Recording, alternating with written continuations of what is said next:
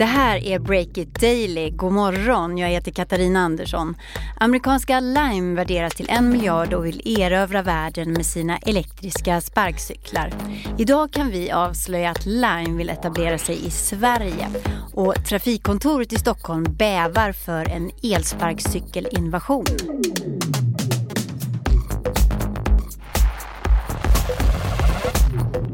Men innan vi kommer in på sparkcykelkriget som tornar upp sig, en nyhet om att sociala mediejättarna inte längre är techbolag utan ska klassas som mediebolag. DNs chefredaktör Peter Wolodarski skrev i en krönika häromveckan att Facebook är ett av världens största mediebolag. Och nu hänger Wall Street på.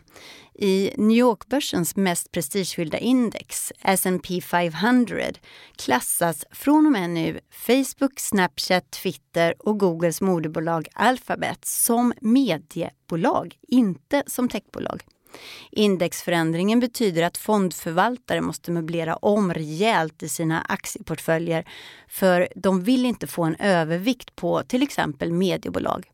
Det här kommer vi säkert få anledning att rapportera mer om framöver. Och så till miljardbolaget och skoterjätten Lime som förbereder en Sverigelansering.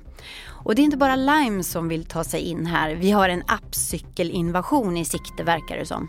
Breakit har pratat med Stockholms trafikkontor som berättar att de har haft kontakt med uppemot 12 aktörer som vill sätta ut elskotrar eller vanliga appcyklar på stans gator.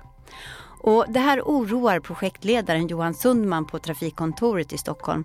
Han tror att det kan bli cykelkaos om alla intresserade företag ska räcka ut sina lånecyklar. Våra jurister håller på att titta på det, hur, hur, hur läget är, om vi har rätt att säga nej till det eller inte. Erik Wisterberg, reporter här på Breakit. Du vet mer om den här historien och om Lime. Mm, du kanske har kollat lite snett på vuxna människor som liksom far fram på eldrivna sparkcyklar. Men faktum är att världens ledande riskkapitalister, de tror ju stenhårt på att det här är framtidens transportmedel. Just Lime har ju fått in riktiga tungviktare som Uber, Alphabet och Niklas Zennströms Atomico som delägare. Och eh, bolaget är bara 18 månader gammalt men är redan värderat till över en miljard kronor. Så det här är jätten av jättar när det gäller elsparkcyklar? Ja men precis. Lime startades ju i januari 2017 och då sysslar de med sådana delningscyklar. Men de har blivit mest kända för de här gröna elskotrarna eller sparkcyklarna som man hittar och låser upp via en app. Och det härliga för användaren är att man, när man är klar så kan man bara lämna dem var som helst på gatan. Mm, precis som med Voi då, den tjänsten som redan finns här i Stockholm. Ska de bäva nu? Det här kommer ju handla om vem som kan ha en fulladdad sparkcykel nära användaren när man vill ha den och det är liksom ett litet eh, numbers game. Alltså om man har många ute då är det lättare att vinna den fighten. Så att om det kommer in en så kapitalstark aktör så skulle i alla fall jag darra lite om jag var Voi just nu. Men hur fick du veta att Lime skulle lanseras här i Stockholm? Jag hade tur. Jag scrollade igenom Facebook och då fick jag en sån här riktad annons att de söker så kallade juicers i Stockholm.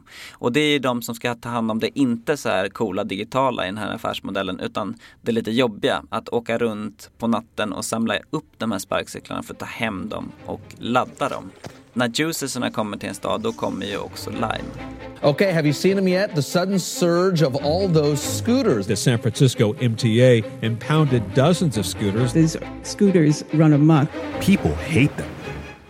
Men Lime blev ju utslängda från San Francisco där allt startade med elsparkcyklar. Så hur ska det gå här i Stockholm då? Eftersom den här affärsmodellen bygger på tillgång. Så det måste finnas många sparkcyklar ute för att man ska hitta när man vill ha den. Så finns det ju risk att om många kommer in, då blir det ett krig på Stockholms gator där de bara öser ut eh, sparkcyklar överallt. Och så har det varit i San Francisco och om det blir så i Stockholm, då tror jag att Stockholms stad kommer att agera. Johan Sundman på Trafikkontoret i Stockholm har fått många samtal den senaste tiden från sådana här cykeldelningstjänster som Lime eller Voi som vill starta i Stockholm. Jag har haft kontakt med 10 eller 12 olika bolag både vanliga cyklar och, och såna här elskotrar. Och nu börjar Stockholms stad dra öronen åt sig för det kan bli ett problem, säger Johan Sundman. Då kommer hela stan vara så belamrad med, med lånecyklar så att det inte finns en chans eh, för eh, vanliga cyklister att kunna ställa ifrån sig sin cykel. Våra jurister håller på att titta på det, hur, hur, hur läget är, om vi har rätt att säga nej till det eller inte. Trafikkontoret befarar samma problem som man hade i San Francisco. Att sparkcyklarna blir för många och ligger och skräpar i stan eller orsakar olyckor när folk susar fram på trottoarerna. Vi har typ sovit en timme. Eh, Jocke ligger fortfarande och sover. I helgen sände Youtube-paret Joakim och Jonna Lundell live 24 timmar i sträck. Det var en maratonsändning med extra allt, skriver vår krönikör Emanuel Karlsten. Rörliga kameror i huset, snygg grafik, intervjuer och tittarna fick till exempel se hur höggravida Jonna överraskades med en baby shower. Och under natten så blev det också spökjakt.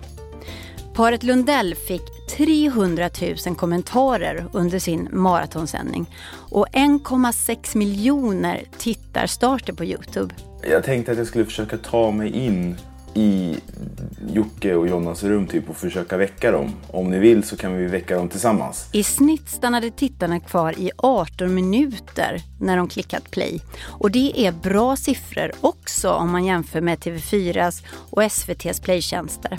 Shit, det ska bli så kul till nästa livestream. Men vi måste få vila i några dygn i alla fall. Så vad tänker en tv-jätte som SVT om det här? Är långa eventsändningar av det här slaget något att härma efter? Så här säger programdirektör Jan Helin på SVT. Eh, jag tror att eh, SVT ska vara kvar i en mer högproducerad typ av tv. Men, men säker ska man inte vara. Det, det, det finns något intressant i den här starka relationen som eh, den här typen av youtubers, influencers eh, bygger med sin eh, publik som vi tittar avundsjukt på. Jag tycker att det är inspirerande att se den här typen av, av fenomen i andra delar av medielandskapet. Break It Daily hör du imorgon igen om du vill. Och hela dagen så kan du läsa nyheter på breakit.se förstås. Maila till daily om du vill feedbacka på den här podden, det är vi glada för, eller ha tips. Jag som pratar här heter Katarina Andersson och säger tack för att du lyssnat.